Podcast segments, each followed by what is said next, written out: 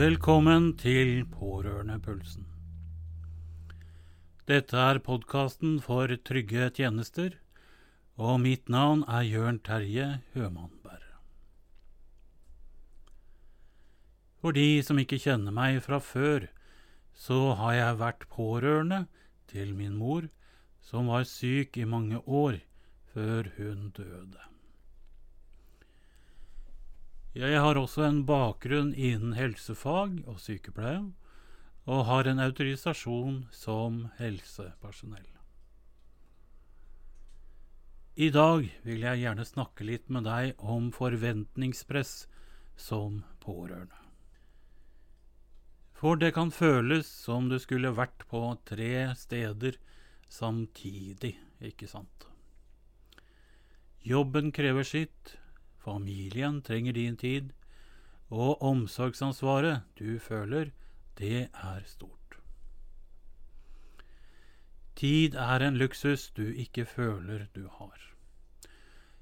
Og oppå det hele så kommer forventningene du har til deg selv, og de er verken få eller små.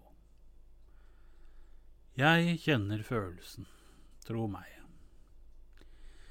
Så hvorfor blir forventningene til egen innsats så kjempestor? Først av alt, det er viktig å forstå at disse høye forventningene, de er ikke der for å plage deg. De kommer ofte fra et godt sted, et sted hvor du vil være den beste utgaven av deg selv for noen du elsker høyt. Men i jakten på å være det perfekte, så kan vi jo miste oss selv, ikke sant? Skyhøye forventninger er en tosidig mynt. Når forventningene blir for høye, blir de en kilde til stress og utmattelse. Og la oss nå være ærlige med hverandre. Hva er vel vi verdt for de vi elsker, hvis vi er for utmattet til å stå opp om morgenen? Og det er ikke en god situasjon for noen. Er det da egoistisk å skru ned forventningene litt til egen innsats? Og det korte svaret er nei, absolutt ikke. Du gir ikke mindre ved å ta vare på deg selv. Og det hele handler om å finne en bærekraftig måte å gi av deg selv på. Og det er å vise både deg selv og din kjære respekt. Det er ikke egoistisk, det er derimot kjærlig. For sliter vi oss ut, så saboterer vi jo både for de rundt oss og for oss selv. Og denne selvsabotasjen, den kan komme snikende. Og dette er ofte de små øyeblikk der du presser deg selv litt for langt, og der du ignorerer dine egne behov.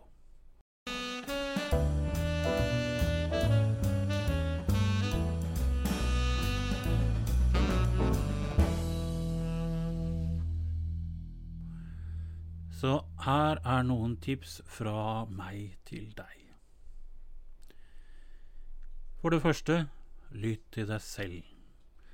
Det er så viktig. Er du sliten?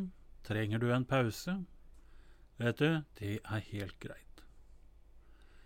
En øvelse jeg bruker, er å lukke øynene, trekke pusten dypt, holde den, og så slippe den ut. Jeg føler at jeg får igjen kontakten med meg selv, og da er det mye lettere å kjenne på om jeg faktisk trenger en pause. For det andre, fortell den du er pårørende for, at du trenger litt tid til å lade opp. Og de, de vil forstå. For det, husk at den som er syk, ofte kan være like bekymret for deg som du er for den syke. Om din kjære er på et avlastningsopphold, så husk ordet avlastning. Det vil si at du ikke trenger å være innom hver eneste dag. Ingen krever det av deg, og i hvert fall ikke helsepersonellet på avdelingen. I blogginnlegget vårt har vi en link til historien om Tora Heggeland. Hun er pårørende til en mann med hjerneskade, og besøker han sjelden når han har et avlastningsopphold. Hun får skryt fra helsepersonellet for det, og med beskjed om at hun har skjønt poenget med avlastning.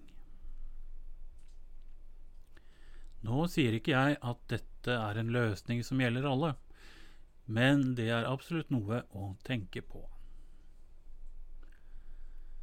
For det tredje, sett grenser og hold dem. Du kan ikke være alt for alle. Og igjen, vet du, det er helt greit. Som Per Fugli sa en gang, prestasjon er bra, men du må være din egen målestokk og unngå overdose. For det fjerde, be om hjelp. Det er sterkt, ikke svakt, å be om hjelp. Virkelig. Jeg har tidligere snakket om dette i episoden Fra superhelt til menneske og ta imot hjelp som pårørende. Og du finner link til denne episoden i blogginnlegget vårt. For det femte, ta vare på deg selv, så du kan ta vare på andre. Det er ikke egoistisk, det er helt essensielt. Ingen kan helle fra en kopp som er tom, men passe på at de har nok påfyll til å fylle andres. Så hvis vi nå skal oppsummere litt Jeg vet det er tøft. Jeg forstår at du vil gjøre alt, være alt, men husk at ingen kan helle fra en tom kopp. Det er ikke egoistisk å ta vare på deg selv, det er helt nødvendig. Og ved å gjøre det, så blir du en enda bedre støttespiller for den du elsker. Du gjør en fantastisk jobb.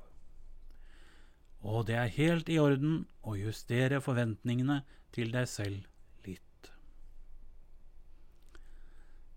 Dette var Pårørendepulsen, og jeg heter Jørn Terje Hømannberg.